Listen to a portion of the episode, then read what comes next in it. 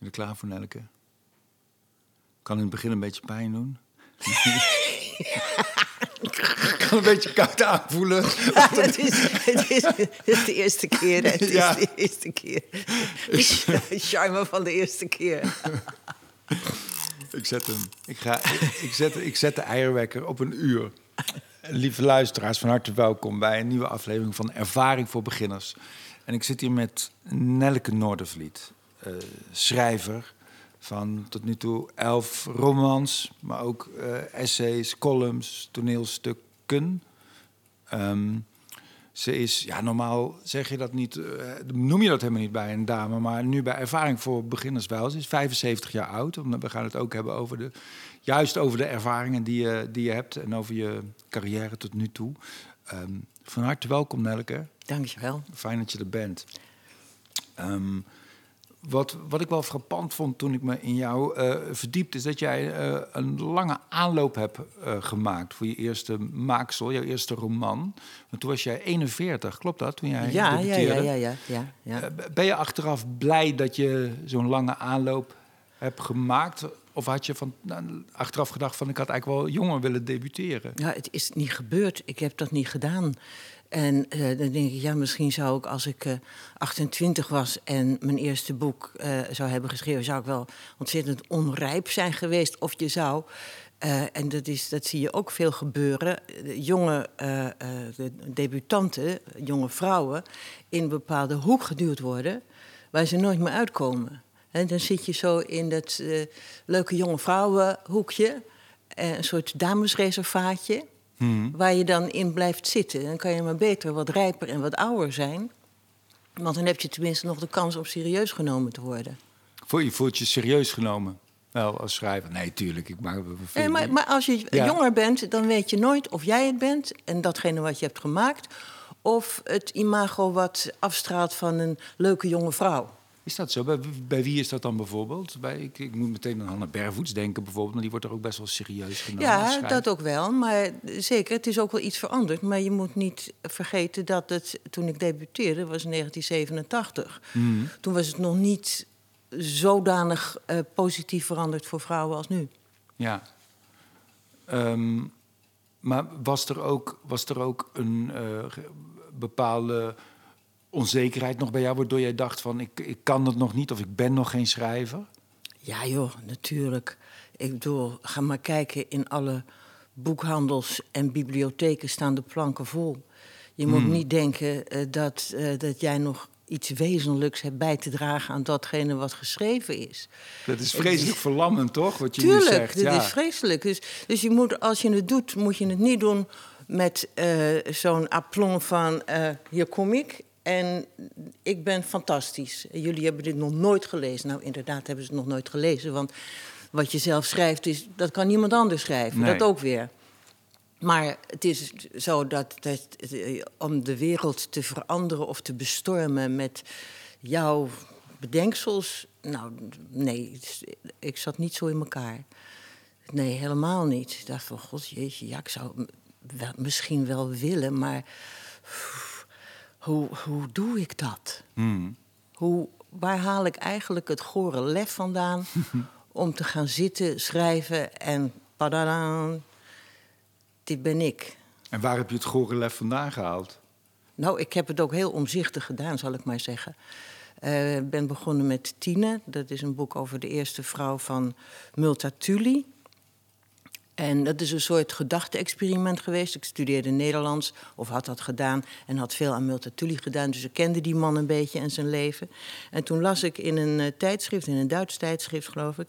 dat ehm, eh, Elisabeth Plessen, dus een Duits schrijfster... die was van plan de ongeschriebene memoiren van Katja Mann te schrijven. De vrouw van Klaus. De vrouw van de grote Thomasman. Of de Zauberer, de, de grote, de vader. Hè? En eh, nou, er zaten een, paar, een heleboel kinderen. Eh, er waren er ook zeker drie geniaal van. En een heleboel mensen die allemaal zelfmoord pleegden in die familie. Dus die vrouw die had heel wat te verstouwen gehad. En dan ook nog met die grote man getrouwd zijn. Die eigenlijk homoseksueel was. Dus lekker. Veel hè? over te vertellen. Heel veel over te vertellen. En toen dacht ik, goh, wat een interessante invalshoek. Wie zou in de Nederlandse literatuur voor zo'n behandeling in aanmerking komen? En ja, voor mij lag toen voor de hand Multatuli. Hmm. Omdat hij ook een tamelijk eh, ja, avontuurlijk leven heeft geleid. En omdat die vrouw Tine eigenlijk in, in zijn werk is verschenen als personage. En tegelijkertijd zijn vrouw was, omdat hij er bedroog waar ze bij zat. Eh, dus ik wilde wel eens in de schoenen van Tine gaan staan. En was dat de, de behoefte om dat te doen, was dat, eh, was dat het zelf? Bijna nog los van eventuele publicatie? Ja, ook omdat ik bij mezelf dacht van... ik weet nog niet precies wat ik ervan ga maken. eh, wat voor vorm ik ervoor kies. Maar het is misschien wel eens goed ook in die hele Multatuli-studies... om daar eens het perspectief van die vrouw te kiezen. Ja. Sommigen hadden dat al wel een beetje gedaan, maar ik vond dat het nog niet voldoende was. En toen dacht ik, nou ja, waarom zou ik er geen, geen roman van maken eigenlijk? Want dat geeft mij een bepaalde vrijheid. Maar tegelijkertijd ben ik ook lekker hè, als beginneling gebonden aan die feiten die ik heb.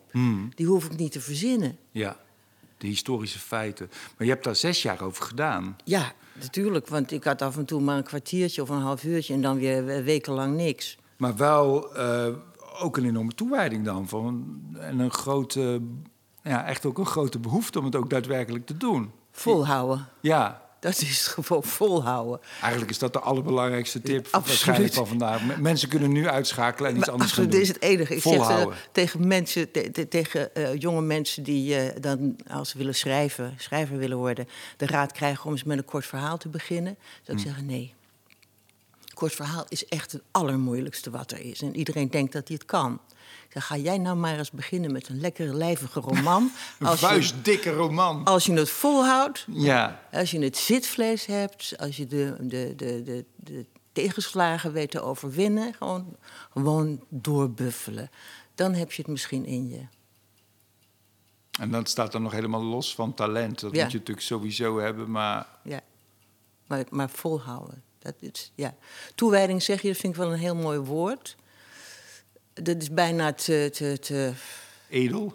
ja, maar Ja. ook gewoon stupide volhouden. Ja, jij bent wat- wat dat betreft sowieso heel nuchter van me op. Want ik, ik kwam ook wel tegen dat jij helemaal niet gelooft in inspiratie. Nee, nee, nee.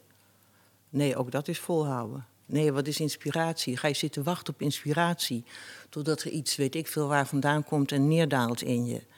Het- Dat is ook het, het inspiratie, ja, wat het ook mogen zijn... maar het is in ieder geval een ehm, nadenken over... en bezig zijn met datgene wat je wilt doen.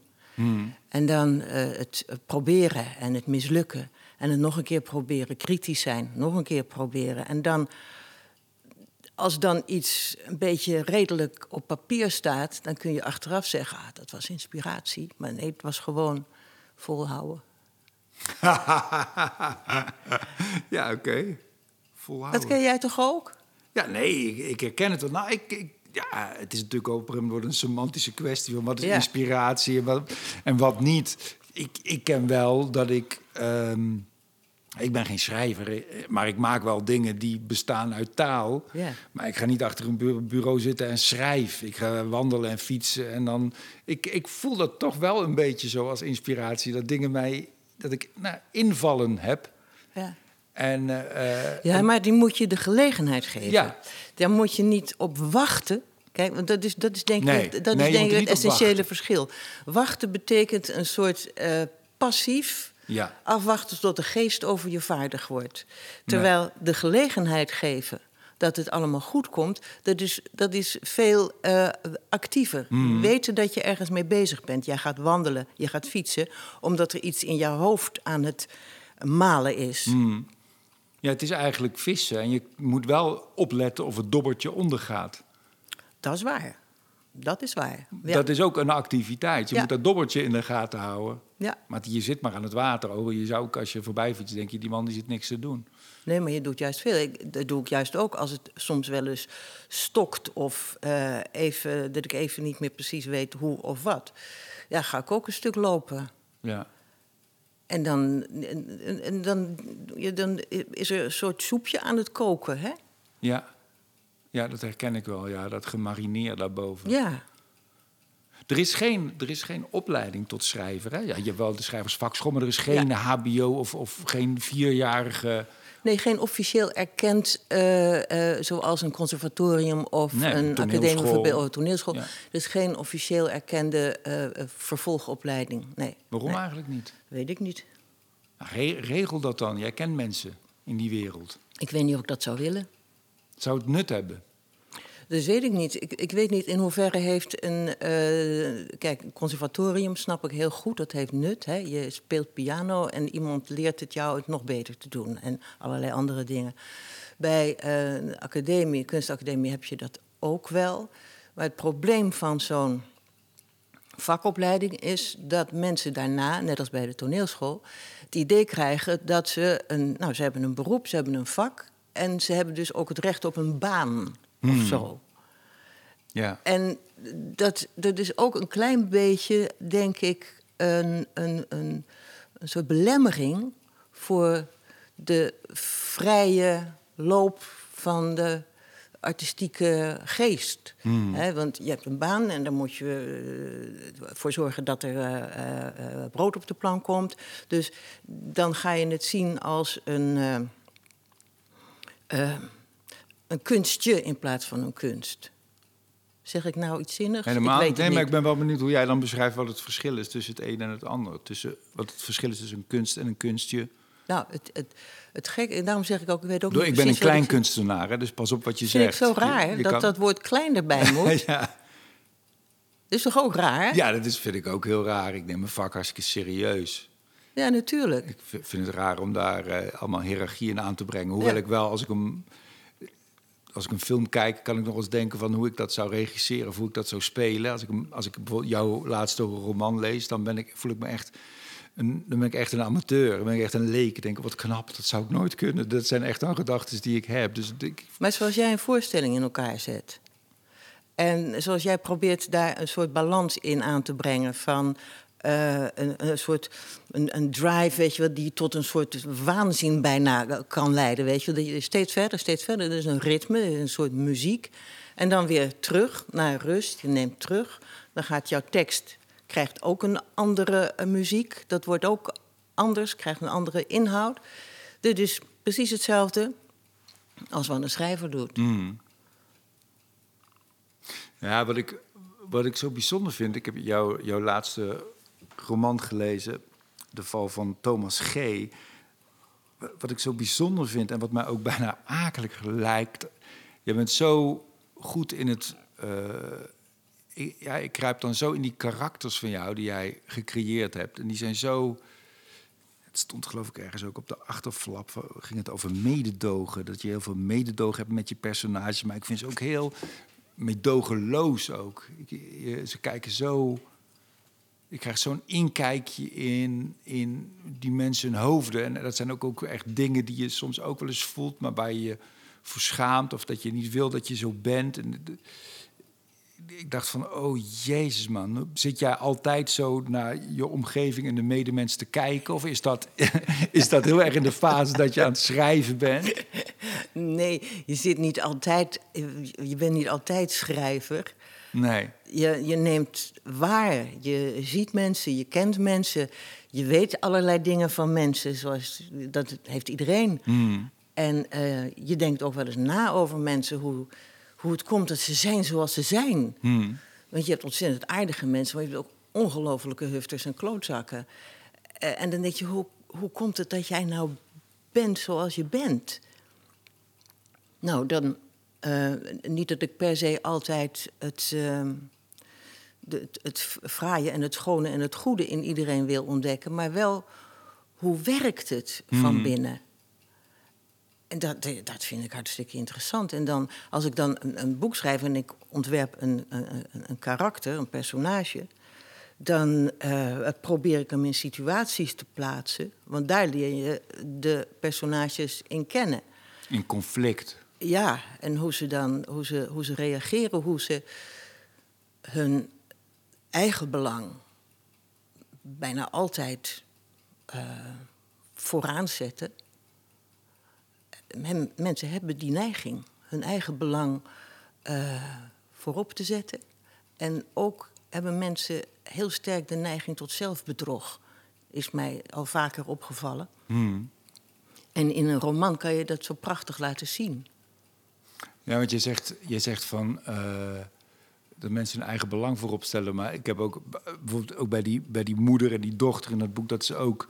We zijn ook allemaal op onze eigen manier. eh, wat is het Nederlandse woord? Narrow-minded. We zien ook maar een beperkt deel van, Ja. de, van de werkelijkheid. En dat is niet de totale werkelijkheid. Alleen dat realiseren we ons niet altijd. Nee. Waardoor je wel vaak denkt dat jouw werkelijkheid de werkelijkheid is. En dat, en dat botst. Ja. Dat is niet eens zo. Dat maar is niet slechtigheid, dat is, Nee, dat is dat onvermogen. moet ook- ja, dat onvermogen. Maar soms denk ik wel eens dat een mens zo moet zijn. Want als je eh, de hele dag voortdurend maar alles ziet wat anderen beweegt en het hele plaatje en jezelf in dat hele systeem ziet meedraaien. Nou, daar word je ook eh, eh, misschien niet al te gelukkig van. Hè? Dat is, mensen hebben natuurlijk ook een, een enorme behoefte aan bevestiging en aan eh, hun, eh, ja, gewoon leven, eh, overleven. En in iedere verhouding moet je een soort manier vinden om te leven. Goh, wat, welke kant gaan we nou weer op? Ehm, nou, maar dat het niet zo makkelijk is om alles te zien en alles te erkennen. En zo. Gewoon, ook af en toe is het logisch dat je narrow-minded bent. Ja. Ja, ja, all the time waarschijnlijk. Nee, maar je, maakt, jij, je begon te zeggen van, eh, dat mensen hun eigen, in eerste instantie hun eigen doel nastreven. Dan maak je ze wel heel slecht. Nee, toch? Heb jij, bedoel, als mijn doel is om een goed boek te schrijven, Hmm. dat is op zichzelf niet slecht. Nee. Het hangt er een beetje van af wat ik daar eh, voor slachtoffers bij maak. Hè, als ik eh, mijn gezin, mijn man, mijn kinderen, familie en vrienden eh, totaal ondergeschikt maak aan dat ene doel, dat boek, nou, dat is buiten proportie. Ja. Dat doe je niet. En, maar je kunt aan de andere kant kun je een fantastisch personage creëren die alles ondergeschikt maakt aan dat ene doel Tuurlijk, ja. dat boek maken. En dan kun je laten zien wat voor slachtoffers er vallen. En Ja. hoe hij uiteindelijk, en dat hoop je dan, ook het slachtoffer wordt van zijn enzovoort enzovoort. Maar dat is een. eh, de ben schrijver best wel heeft alles in de best hand. wel is leuk. nieuwsgierig, maar nou zo heel erg in op het boek. Dat was helemaal niet mijn bedoeling. Maar of dat, le- dat levensverhaal van die Thomas Gast. Wat hij heeft op... eh, Thomas Geel. Gast, zeg ik. To- Geel. Ja, Thomas Gast is Ik een, ben is jouw een, gast. is en een dat is comedian hier, die heet Thomas Oh, het is Thomas G. Gast. Ja, oh, ja? ja, ja, Oh ja. toevallig. Of, dat, of, dat, of hij een leugenaar is of niet, dat ben ik bij. Dan gaan we later wel even, ga ik later Oh, ja. wel eventjes aan je vragen. Ehm, ja, dat vond ik ook mooi. Ik kwam ook in het boek tegen die, le- die leraar, die Si- Simon Peerdeman. Die een soort mentor, een tijdje mentor was van het hoofdpersoon in het boek. Of in ieder geval van die Thomas Geel. Heb jij, heb jij, heb jij mentoren gehad in je, in je leven? Nee, maar ik heb er wel zo een gekend. Maar dat was niet jouw mentor. nee, nee, nee. Want jij hebt ook je hebt gestudeerd. Maar zijn er mensen geweest waar je veel van geleerd hebt? Wat je later gebruikt hebt als, als schrijver? Waar je als schrijver van geleerd hebt? Of heb je alleen maar geleerd van lezen? Van andere boeken? Ja, ja, dat denk ik wel. En omdat ik pas laat ben gaan schrijven zelf, ehm, ja, had ik tot die tijd gewoon heel veel gelezen. Hmm. En heb je een gevoel voor wat je goed vindt en belangrijk vindt. En eh, ik heb destijds als eh, in mijn eh, vakgebied Nederland had ik altijd wel bewondering voor Hella Haase. Nou, oké, dat. maar die kende ik toen nog niet. Alleen als schrijver en wat ze Hmm. had gemaakt. En ik vond het altijd interessant, omdat ze zich zo niets aantrok van de mode van de dag. Zich ook helemaal niets aantrok van wat ze eigenlijk zou moeten doen als eh, vrouwelijke schrijver. En gewoon haar eigen weg ging. Hmm. Dat vond ik hartstikke goed. En eh, lu- lukt dat jou ook? Ik probeer het. Ja. Dat, dat heb ik in ieder geval wel van haar opgestoken. Dat ik dat een, een, een goede manier vind om uh, als schrijver in het leven te staan. Want zij schreef midden in de jaren zestig. Nou ja, dus Kremer, Jan Kremer, Reven, uh, nou, Wolkers. Hermans, Wolkers, noem maar op. Zij schreef een Nieuwe Testament en dat speelde zich af in de derde eeuw na Christus. Ja. Heel onmodieus. Ja, en de tuinen van Bomarzo. Hmm. Dat ging over een, een heel krankzinnig park uit de 14e of 15e eeuw in Italië. Hartstikke goed, maar ook niet modieus. Nee. Dus autonoom zijn vind je heel belangrijk. Precies. En wat, en wat is dan je.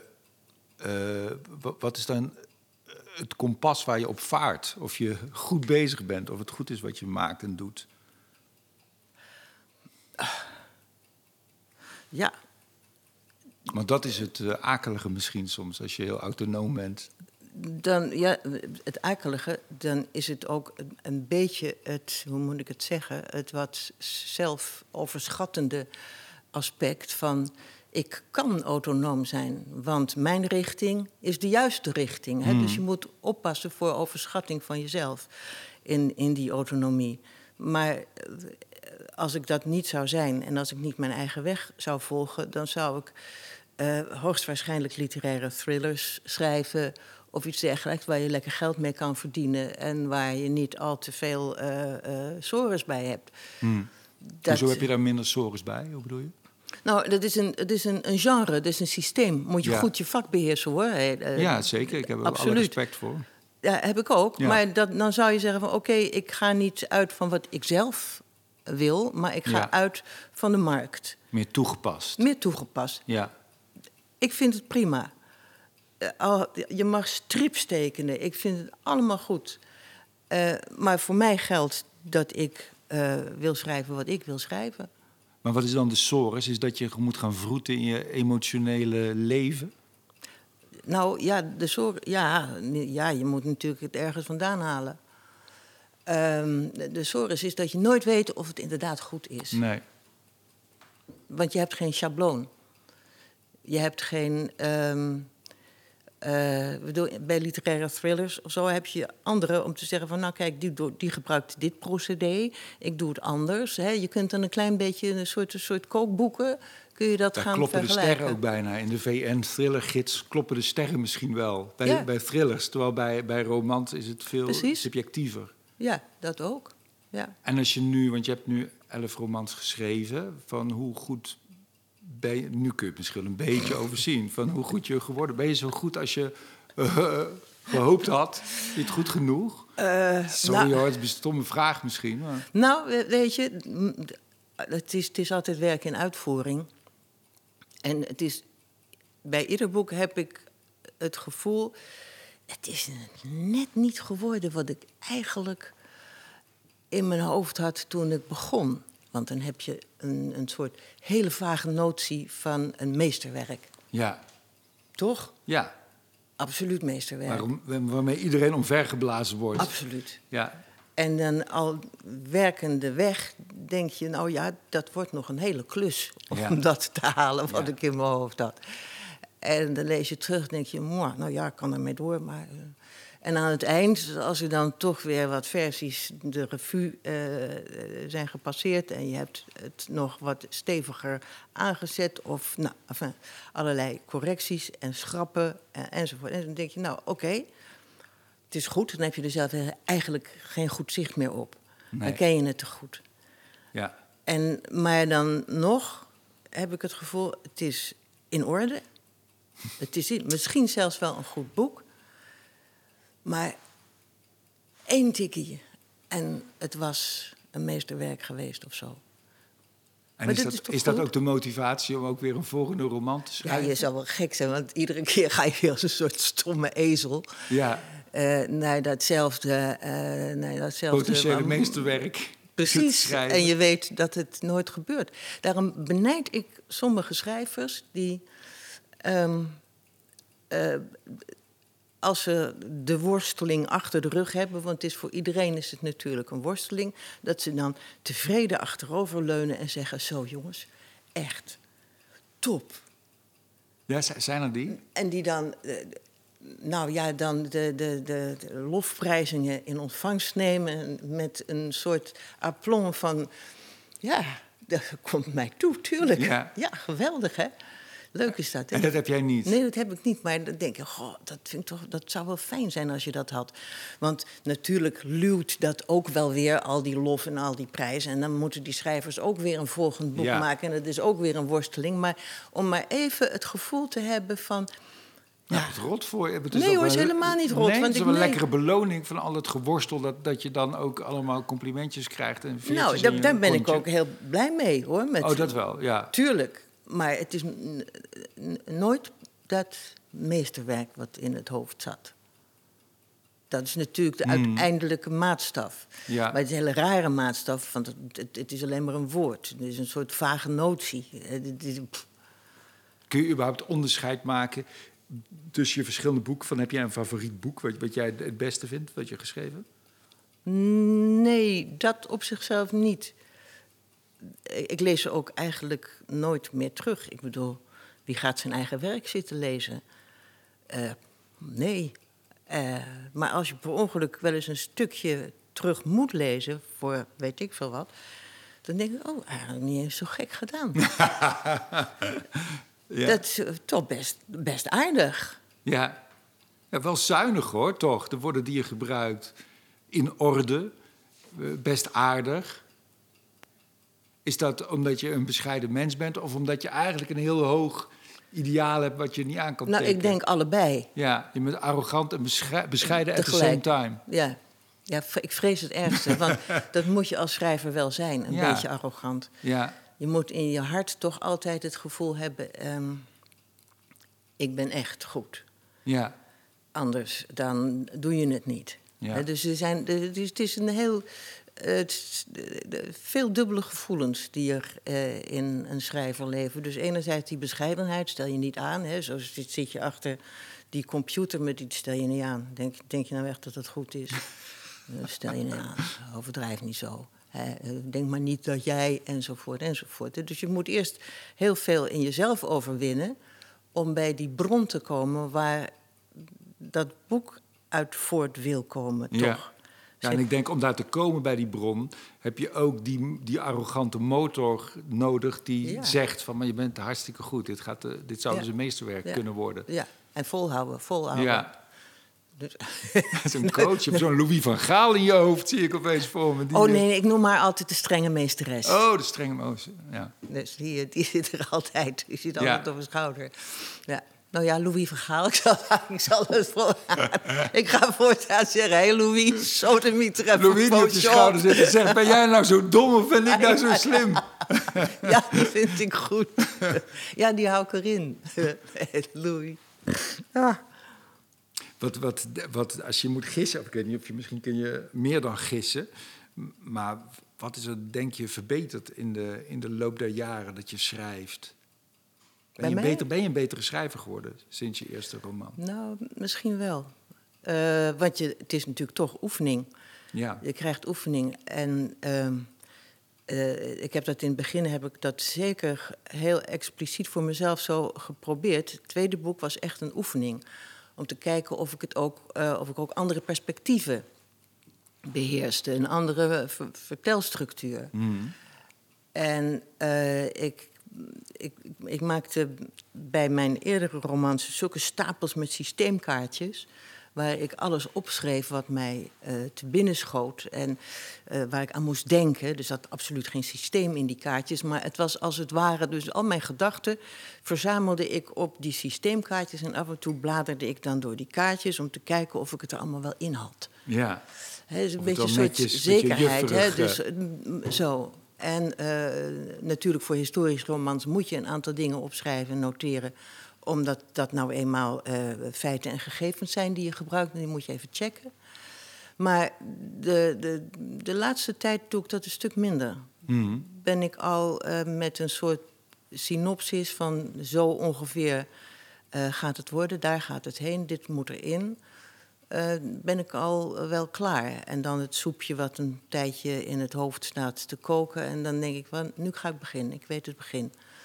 En dan ben ik wat, uh, ik ben nu wat um, losser en soepeler en improviserender dan vroeger, omdat ik nu beter de regels ken, heb geleerd. Nou, jij, je hebt regels voor. Ja. Hè, dus dus de, de, die heb jij ook. Uh, ja. Het is. Uh, uh, ritme is ontzettend belangrijk. En soms een clash van twee scènes, van twee sferen. He, dus het zijn ook visueel. Dus je moet het zien en je moet het horen. En die elementen, daar heb ik in de loop van de tijd veel over geleerd. Door het te doen. Wat is ritme bij, bij ritme bij muziek? Weet ik heel concreet wat het is. Wat is ritme in een roman? Zijn dat, heeft dat te maken met de lengte van de zinnen? Jazeker ook. Het heeft te maken met de lengte van de zinnen. Het heeft te maken met de manier waarop je een zin begint. Of je uh, uh, of een, een bijzin, of je veel bijzinnen gebruikt. Of je veel bijvoeglijke naamwoorden gebruikt. Of je heel uh, concreet gebeurtenissen snel achter elkaar vertelt. Dan krijg je een soort motor erin. Als je Hmm. stilstaat met die motor, want dat wil je ook wel eens. En dan ga je een soort uh, sfeer scheppen, een be beschrijving, een panorama of iets dergelijks. Hmm. En dan hak je er even doorheen met een korte dialoog. Hè, want dat geeft ook een enorme uh, uh, verandering in het ritme. Dus dat zijn allemaal van die, die dingen waar je op let. En ik lees het ook altijd voor aan mezelf, als ik een stukje heb gedaan. Om te horen of het klinkt. Helpt het, het, dat jij, uh, want je hebt ook ja, semi-professioneel toneel gespeeld. ik zeg maar wat, semi, Ja, maar, zeg maar maar. wel, toch wel, je bent er wel serieus mee bezig geweest. Ja, Uh, he- is dat helpend? Ja, heel erg. Ja? Ja, ik vind dat je ook heel mooi kan voorlezen trouwens. Dingen die ik gehoord heb die je voorlas. Ja, dat, dat, dat helpt heel erg.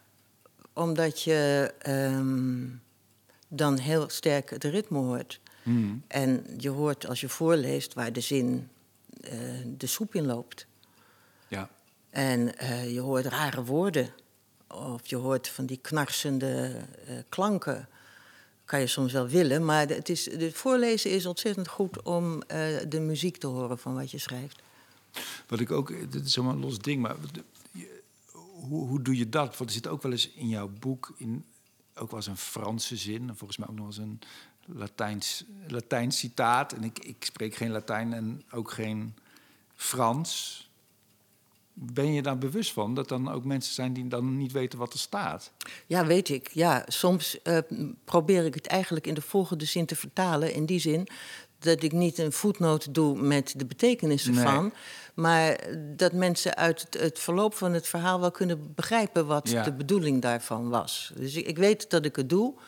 Eh, soms ehm, probeer ik me daar een beetje in in te tomen. Maar eh, aan de andere kant is het ook wel eens heel eh, ja, toepasselijk. En is het wel eens nodig om het te doen? Vind ik het nodig om het te doen? Ja, zeker als het zijn- zich in een bepaald milieu Ja. afspeelt waarbij mensen Ja. dat doen, zou het raar zijn als je dat niet doet. Er zijn ook mensen die vinden dat ik veel moeilijke woorden gebruik.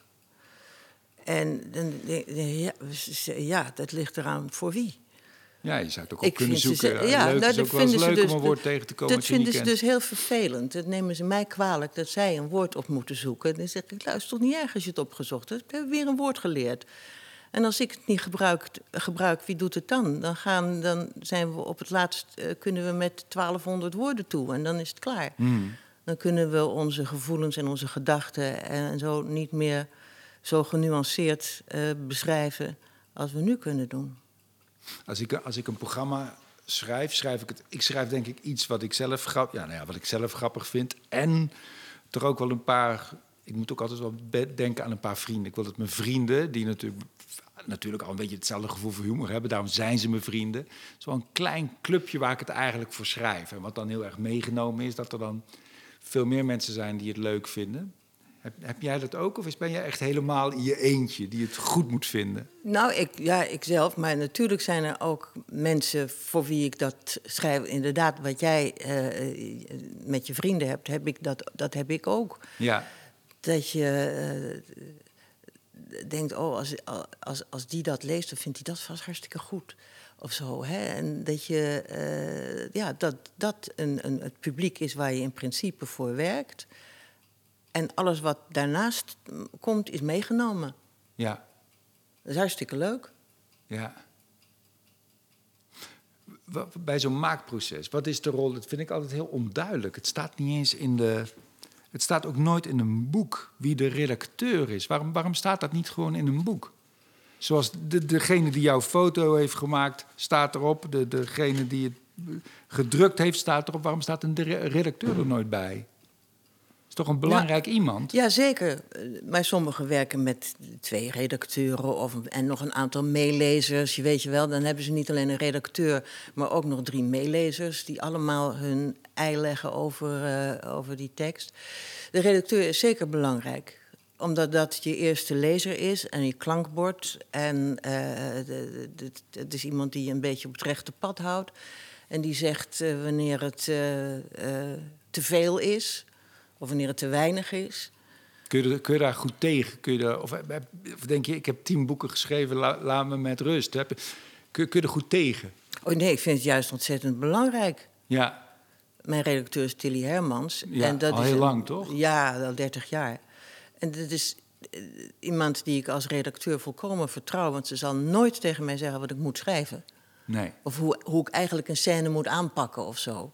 Ze zit nooit met het rode potlood. Maar, maar wat zegt ze dan bijvoorbeeld? Nou, dan zegt ze. Nou, dit is, dit, van Tilly is altijd klassiek. Dat uh, herkennen mijn collega's ook. Als je de eerste versie naar Til stuurt. Uh, en als ze dan zegt van. Ja, er zitten hele goede stukken in. Ja. Nou, oké, gooi het maar weg. ja, Huppakee, ja. in de prullenbak. Nee, als het hele goede stukken... Ja. Nee, nee, nee, nee, niet in de prullenbak. Nee, niet in de prullenbak gooien. Want het is, het is echt... Het, er zitten goede stukken in. En daar moet je op verder. zitten er soms ook nog een paar goede stukjes in. Ja. Ja, dat is een goede... Precies. Kan je het ook nog opeten. Ja. Nee, dus dat is... Maar dat is een, een, een soort aanmoediging. Ja. Want het is nooit de eerste keer helemaal top. Dus, uh, en wat, wat ook gebeurt is dat je soms wel eens iets laat staan. Laat ik, staat er iets in mijn boek waarvan ik zelf denk... ik weet niet of dit erin moet. Deze zinswending, deze uitleg, deze scène. Maar denk ik dan, nou, laat maar even staan. En uh, als Tilly het dan leest, dan komt er altijd een potloodje bij zeggen met een vraagteken. weet je wel. weet je al genoeg. Zou je dit wat doen? Uh, dan, dan, weet je het eigenlijk. Hè? Dan denk, wij hopen dan allemaal dat Til het niet ziet. Maar ze ziet het altijd. Dat er iets niet helemaal klopt. Grappig figuur. Ik zou best een keer met haar willen praten. Nou, mooi doen. Ik vind een mysterieus beroep. Dat is het ook, omdat het ook vreselijk dienstbaar is. Ja. Uh, het is, en het is voor Tilly is het er lust en er leven om met een schrijver een boek te maken dat het beste is wat die schrijver op dat moment in zijn, uh, in zijn, uh, tot zijn mogelijkheden heeft. Mm. En uh, daar doet ze alles voor. Dus ze leest het en ze, ze praat. Het is eigenlijk vooral een gesprek ja. dat we hebben. En niet ja, op zinsniveau, dat, dat komt wel als de persklaarmaker uh, enzovoort. Dan gaat ze ook op details in. Ja, niet alleen Til hoor, maar ook de, de corrector of iemand die persklaar, uh, die het persklaar maakt. Gaat het dan over spelfouten of nog steeds over... In, Nou, dat gaat over spelfouten of over uh, onduidelijke zinnen of zoiets dergelijks. Ja. Van dit snap ik niet, staat ja. er dan. Ja. Dat kan. He, maar maar het, het, belangrijkste werk doet Til in het gesprek met de schrijver over wat er voor ligt. Hmm. En of het is wat die schrijver nou echt wil vertellen. En of dat ook de beste manier is om het te vertellen. Dus maar moet je dat goed, is het belangrijk dat je dat als maker goed onder woorden kan brengen, wat je er nou eigenlijk mee wil vertellen? Moet je dat zelf snappen per se? Nou, je moet wel snappen wat je hebt gedaan.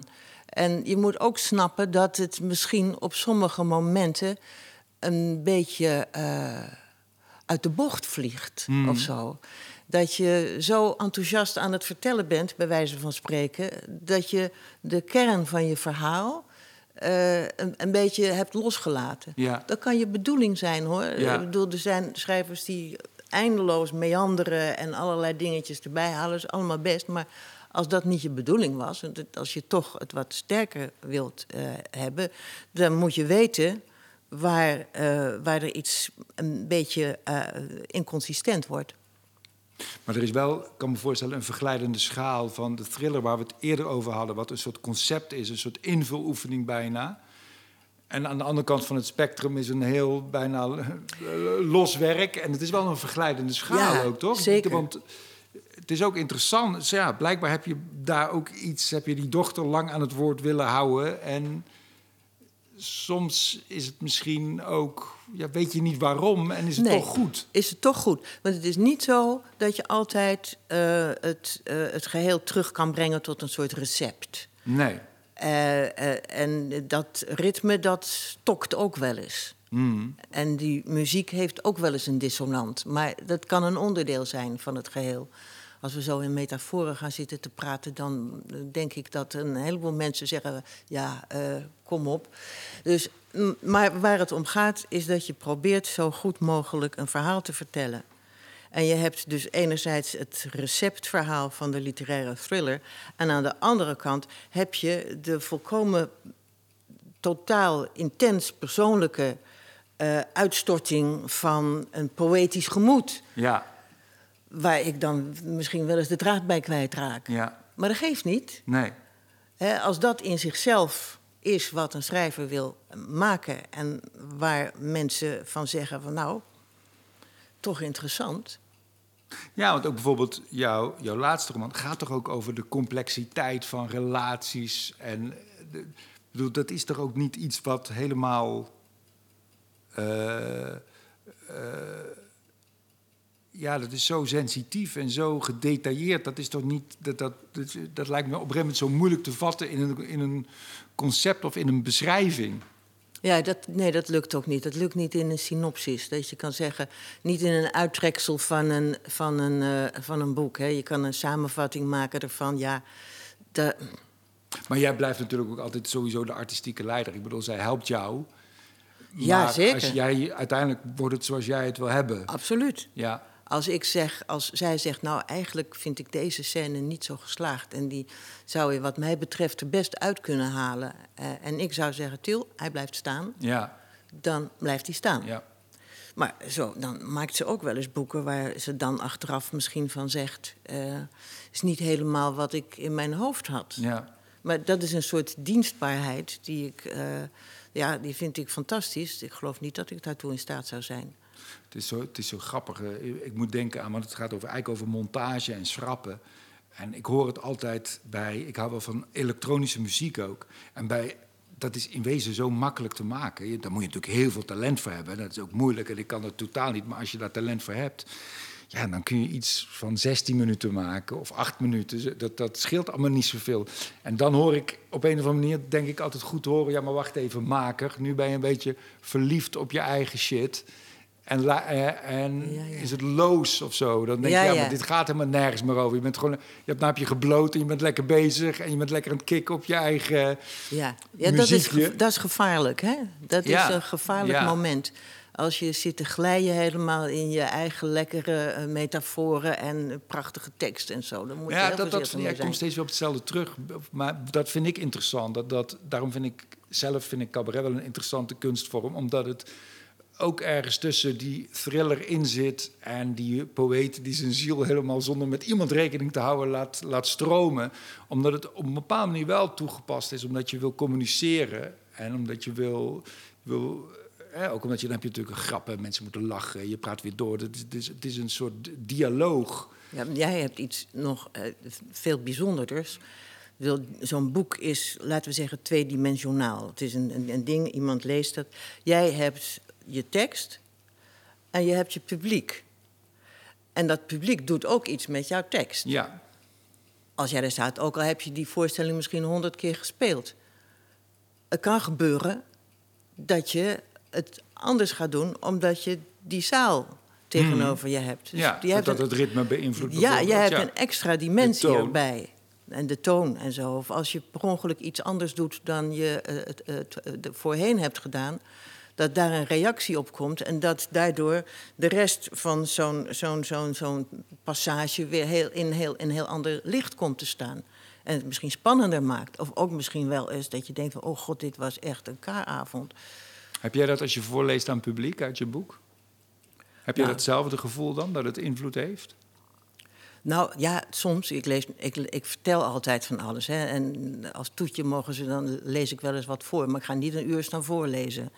Voel je nee het goed joh, voor? ben je gek. Nee joh, die mensen moeten dat boek Ja, gewoon tuurlijk, zelf dat is lezen. ook zo. Als je, dat ga ik niet voor staan lezen. Dus dat vinden ze niet interessant. Maar, althans. maar dan nog, maar als, dan- als we het over die toegepastheid eh, hebben... Je, je, want je hebt wel lezers en ik neem aan dat je daar ook blij mee bent, dat Ja. dat zo is. Want wat, is dan, wat zijn hele toffe complimenten? Wat vind je dan fijn om te horen als mensen jouw boek hebben gelezen? Nou, eh, ik zou je vertellen, ik, ik had een, een, soort, ehm, een, een soort tourneetje op het moment voordat het verscheen. Want het was coronatijd, dus je kan geen lezingen en dingen doen. Maar ik had dus een, eh, een soort tournee langs eh, boekhandels. Voordat het verscheen, mochten een aantal, kregen een aantal klanten van zo'n boekhandel het, het boek al in huis. Ze lazen het en het was een Kreeg een aantal, hè? Je Ja, zei kregen, een aantal, kregen. dus één Kregen. aantal, hè? Zeker, Zo Theo. leuk om een keer een. Nederlands te corrigeren. Heel Sorry. Heel goed. Ja, nee, ik ben ook altijd heel spits erop, maar in het spraakgebruik gaat het nog wel eens een keertje Flauw, mis. sorry. Geeft niet. Eh, en dus daar, die, vormden dan een leesclub. Eh, die mensen hadden het dus allemaal gelezen. En ik kwam dan op een avond bij die boekhandel en konden ze met mij praten over dat boek. Zonder dat er ooit een recensie was verschenen, dus Ja. dat was gewoon heel direct. En er zat een man in, eh, die zat te luisteren en af en toe met, het, eh, met de discussie mee te doen. En die zei toen: Mevrouw, ik wil u toch even één ding zeggen. Keurige heer, jaar of tachtig. Hij zei: ehm, Ik moet u eh, een compliment maken. ik zeg u, ik, ehm, ik neem u mee naar 1940. Kijk, zit je daarmee? Fantastisch. Nee, fantastisch. Was Ja. echt, Eh, ik kom uit een Joods gezin. En wij stonden op het punt om te gaan eh, te vluchten naar Engeland met de boot. Dat lukte niet, dus wij moesten achterblijven. En mijn vader verdween. Ik was acht jaar, zo ongeveer. En ehm, ik heb dus eh, die volgende tijd zonder mijn vader doorgebracht. Ik herinner mij dat moment nog heel goed dat wij daar stonden, dat mijn vader er niet meer was en dat ik als het ware mij verantwoordelijk voelde en verloren voelde. En hij zei: De manier waarop u hebt beschreven hoe de kleine Thomas Geel op het station in Antwerpen of Brussel zat, in de steek gelaten door alles en iedereen. Hij zei: Dat was exact Oh, zoals ik mij oh, voelde. ja. Nou, daar zit je dan echt van te kijken. Dan denk ik, nou, dat is een prachtig compliment. ja, dat is schitterend. Dat is echt hartstikke mooi. Dus daar was ik echt stil van. Ja, Dus zo'n compliment, hij hoefde het niet te geven. Hij hoefde zijn verhaal niet te vertellen. Maar hij wilde dat toch even kwijt. Punt. Nou, dat, dat vond ik echt geweldig. Nou, dan, dan, ja, dan eh, is het al helemaal gerechtvaardigd dat het er is. ik vind het ook een schitterend stuk in, in het boek. Die eh, brief van hem waarin hij zijn verleden vertelt. Het, het is weer een, een- bijna een, een boek op zich. Ja. Echt zoals ik als kindje eh, Pietje Bel las of zo. zo heel, maar dan nu als volwassen man van vijftiger. Zo heel, heel wat er allemaal gebeurt, zo. het Ja, avontuur. ja. Ja. Ik vond het zo mooi. Ik, ik, ik luisterde een eh, andere podcast waarin jij werd geïnterviewd. En toen vertelde jij eh, over dat meisje van acht jaar oud, toen je acht jaar oud was. En eh, niet meespeelde met de andere meisjes en een beetje gepest werd en op de stoep zat omdat je moeder, als je naar binnen ging, zei van... Ga naar buiten, ga, ga met die meiden spelen. Dus je durfde niet naar binnen, maar buiten wilden die meiden niet met je spelen. Dus je zat een beetje naar spelende meisjes te kijken. als een, een outsider. Is dat Is dat nodig of helpend als, als kunstenaar dat je dat bent? Een outsider? Nou, het gekke is dat ik, als ik interviews lees van een heleboel kunstenaars, dan zijn ze het allemaal geweest, of nog steeds. Dat het, eh, dus het is niet zo bijzonder als je kunstenaar bent of schrijver of weet ik veel wat, om buitenstaander te zijn. Dat, eh, waarschijnlijk is dat een, een motivatie om binnen te komen. En buiten te blijven tegelijkertijd. Hè? Dat, dat, eh, Ja, en, en natuurlijk, eh, je ontwikkelt misschien ook wel een talent om te kijken. En, Ja, eh, om te, kijken de, de, de codes. Kijk, wat voor codes gelden hier? Hoe, hè, hoe kan ik hier meedoen zonder uitgestoten te worden? Ja, dat, zo werkt dat. Mhm. En waar, waar, zit je, waar zit je nu? Zit je nog op het stoepje of ben je, mag je nu naar binnen? Of ben je nou, ik zit altijd een beetje op het stoepje natuurlijk. Waar, eh, kijk, er zijn dingen, dat, dat merk ik nu ik 75 ben... dat er inderdaad dingen onveranderlijk je leven lang met je meegaan. Mhm. En, eh, maar dat je eh, in de loop van de tijd er eh, ofwel wat van leert maken. Hè? Meisjes, als je valt, altijd iets van maken hoor. Zoals Sonia Gaskell altijd zei tegen... Wie, wie zei dat? Sonia Gaskell, de grote balletpedagoge. Oh, wat mooi. die ja. zei dan, meisjes, als je valt, altijd iets van maken hoor. Ja. Nou, dat, Geweldig. eh, dat heb ik dus ook. Je moet er altijd Ja. iets van maken als het even niet, niet goed gaat. En dat heb ik wel geleerd in de loop van de, van de, van, van de jaren. Maar de, dat, wezenlijke gevoel staat nog steeds heel dicht bij me. Ja. En is het een onprettig gevoel of heb je dat omarmd? Het gevoel van buitenstaander zijn. Had je er graag meer toch bij willen zitten? Nou, je maakt van de nood een deugd. Ja, Eh, zo is het. Het is ja. Van de nood een deugd maken. En dat, je dramatiseert het niet en je, het, is, Nee. het is gewoon zoals het is. Het is zoals het is. Ik moet denken, ik had ooit een Poolse toneelleraar, Zisław Wardijn. En die had ook heel veel van die trucs, had hij was echt zo'n trucenacteur. En ik mo- moet eraan denken, omdat hij, hij zei dan, als je, als je een fout maakt, maak hem nog een keer. En dan zullen de mensen denken dat het erbij hoort. Wat geestig zeg. Vond ik ook zo... zo Maar dan moet je wel de tegenwoordigheid van geest hebben. Want als je een fout maakt, dan schaam je je dood. Ja, Oh, wat goed. Doe jij dat dan wel eens? Een fout maken en hem dan nog een keer? ik weet het niet zo. Ik heb het wel onthouden, misschien wel. Maar dat is ook zo'n oude, oude wijsheid. Use, use your defects and Ja. you will be a star. Je moet, je moet het doen met de dingen waar je, waar je slecht in bent. Dus Als comedian geldt het ook. Niemand zit te wachten op je succesverhalen. Je moet vertellen van hoe je gevallen bent. Ja. En, daar, en daar een goed verhaal eh, eh, van maken. Is dat, is dat bij alle comedians het, de kern van... Zijn ze allemaal schlemiel een beetje? Nou, ja. Ik denk alle, iedereen die ik go- goed vind wel. Die, eh, maar die, die vallen en staan op een interessante manier op. Dat ook. Je moet, het, je moet het denk ik ook niet gaan vertellen liggend en wrijvend over je knieën. Ja, kan ook, maar je moet ook... Dan moet je er wat van maken Daar moet je weer. ervan van maken. Dat is precies wat jij heel mooi, Ja. heel mooi zegt. Ja, mooi. Ik vond het zo mooi dat ik denk, het gevoel heb dat we net, net seks hebben gehad. We zijn, ik ben in ieder geval klaargekomen. en dat we, nu, dat, we nu, dat we nu door moeten. Het sigaretje ja, of het zo. naspel. Het naspel, my god. Ja, Nee, daar ben je ook goed in, hè? Je geile, verdomd geile seksscènes in die, in die boeken van jou. Ja, is het je opgevallen? Ja. Ja, joh, nee, dat, ja, dat is echt een, eh, een specialisme, hoor. Ja, dat vind ik wel leuk. Dat het, dat je, want ik vind je wel, eh, ook wel soms intimiderende, intelligente vrouw. Maar je zit ook wel, je bent niet alleen maar, je zit niet alleen maar in je hoofd. Je bent ook wel heel eh, zintuigelijk. Dat vind ik mooi. En, en vleeselijk, bijna aards. Ja. Ja, Maak een complimentje. Ja. Kijk, maar, kijk maar wat je ermee doet. eh, dank je. Uitroepteken. Ja, dat is leuk.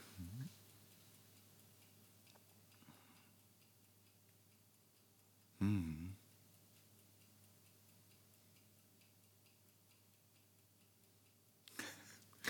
Nou nooit zo lang stil geweest in mijn Ik, podcast. ik heb dat wel eens gedaan. Ik heb ook wel eens voor de radio interviews gemaakt, met, ook van een uur, met mensen. En ik had iemand, dit is best een moeilijk vak, vind ik hoor. Dus ik, ik zit jou ook waanzinnig te bewonderen nu. Maar eh, iemand had gezegd van je moet gewoon, als je eh, gewoon rustig een stilte laten vallen. Ja, ja. Dus ik dacht op een gegeven moment, Ethel Portnoy zat tegenover me. Ik denk, nou, ik laat maar eens een stilte vallen. En die duurde me lang. ik denk, oh mijn god. En ik had niet nog een vraag eh, paraat. Want Ja. dat hoor je dan te hebben als echt een goede interviewer. ja. Eh, ik had niks paraat. dus ik geloof dat die stilte wel vijf minuten duurde of zo. Nee. Nee, dat is overdreven, Ja. dat weet ik ook wel. Maar in mijn gevoel... Ja. Ik heb nog een vraag hoor. Ik heb hem al eens vaker gesteld in deze podcast. Ik heb hem één keer vaker gesteld. Het moet wel kloppen of zo. was aan, aan- Bert Keizer. Ik weet niet of je hem kent. Oh ja, Eh, ja, ik ken ook- Bert, ja. Ook heel hoog zitten. En ik vroeg aan hem, was toen eigenlijk de openingsvraag. Toen vroeg ik aan Bert, is het je gelukt om een oude wijze man te worden? Wil ik kijken hoe ik aan jou vraag. Is het, gelukt, is het je gelukt om een oude wijze man te worden? Nou, man, dat is een beetje moeilijk. Dus, nee, zover ben ik nog niet Nee, met oud willen vind ik gender. ook niet leuk. Oud vind ik ook niet leuk om te zeggen. Maar wel, nou ja, wijs. Ben, je- ben je, is het je gelukt om een wijs, eh, wijze vrouw Ik geloof te wel worden? dat ik een stuk wijzer ben, maar ook mm, eh, ambieer ik nog heel erg om een lastig oud wijf te worden. Ja, Beetje lastig. Eh, dus die niet lief in een hoek gaat zitten oud te zijn. ja. Nee, dat vind ik ook niks. Obstinaat wil je zijn. Ja, ja. Want oud zijn is niet leuk. Nee? Nee. Dat merk jij nog wel, jongen. Dat merk Ja, jij nog wel. ook- nou ja, zoals ik al zei, ik ben ook geen 18 meer, hè. Nou, je doet nog vaak alsof. Ja, dat wel. Ja, dat, dat maakt het zo pijnlijk. Ja. En wat is het dan, die, die, die wijsheid? Wat, wat heb je geleerd? Is dat te beschrijven? ja, wijsheid is in ieder geval dat, dat je lang niet zo belangrijk bent als je zelf denkt. En dat is iets dat geldt voor mij, maar dat hoop ik ook aan anderen duidelijk te maken. Hmm. Dat als ze dat eenmaal doorhebben, dat het leven dan iets makkelijker wordt. Ja. En wat is de remedie? Moet je dan meer inzetten voor andere mensen? Of je meer Nee. bewust worden van... Nee, je hoeft je niet aan in te zetten voor andere mensen, maar je hoeft jezelf, je, je eigen eh, eh, ideeën niet steeds weer eh, vooraan te zetten. Dat dat. je hoeft jezelf niet altijd eh, voortdurend in het centrum van de belangstelling te plaatsen. Ik doe dat af en toe met een boek, weet je wel, maar dan de rest van het jaar weer niet. Ja, maar toch zei je net dat je ook een lastig vrouwtje wil worden. Dat ja, is gewoon in voor mijn, voor mijn directe omgeving. Ja, Nee hoor, dat ook weer niet. Dat ook weer niet. Maar, eh, maar in ieder geval actief. Want dat had, ik, dat had ik ook toen ik hier een beetje aan het bestuderen was van de week. Ik kan me herinneren, ik was ooit met je, Alex Bogers, andere schrijver, die interviewde ik ook. En die heeft van dat hele gestijlde haar, wat zo helemaal, helemaal Ja, gekozen, ja. helemaal netjes zit. En ik wilde steeds met mijn vingers door zijn haren gaan. heen. En dat deed ik toen ook een keer, om dat helemaal door de war te brengen. Ik heb dat een beetje, dat heb ik ook een beetje bij jou. Niet bij je haar, maar je, je bent ook zo, eh, zo wel, ik vind jou zo weldenkend en beschaafd en intelligent. Waarom En- kom je daar nu pas mee? Had dat nou een, een, een half uur eerder gezegd? Dan hadden we tenminste nog eventjes stevig kunnen sparren. Nou ja, maar dat, dat, dat, die neiging heb ik bij jou. Nou, en niet omdat ik, want ik vind je superleuk. Het is, ik vind dat allemaal leuk. Maar voor jouzelf, nee, je begint er zelf over. Daarom moet ik eraan denken. Ik snap dat wel. Dat jij dat zelf ook wil. Of dat, Ja, dat, ja, dat ja, er een er verlangen is naar, naar, naar, Naar uit dat. de band springen, ja, zeker. Zeker. En het enige wat ik kan doen is er af en toe eh, een, een personage maken die dat doet. Ja. En helpt dat? Ja, dat helpt enorm. Omdat je op het moment dat je dat aan het schrijven bent... omdat je dat dan ook een beetje aan het voelen Ja. bent. Tuurlijk, tuurlijk. Duizend levens leven. Ja. Maar ja, zittend op een stoel achter een computer. Maar wat niet, niet Nou, bedoel daar niks prima? mee. Ja, Ik ja. bedoel, dus het Als is dat makkelijk. Diezelfde of een soort van intensiteit veroorzaakt en je kan dat beleven Ja, en voelen. waarom niet? Ja. Dat is grappig. En dat is ook toch een beetje ook wat een actrice doet als ze een personage speelt. Dat is ook weer dat acteren. Tuurlijk. Wat jij gedaan hebt. Ja. Ja, schrijven en acteren zijn heel erg eh, parallel. En als je nu. Als je.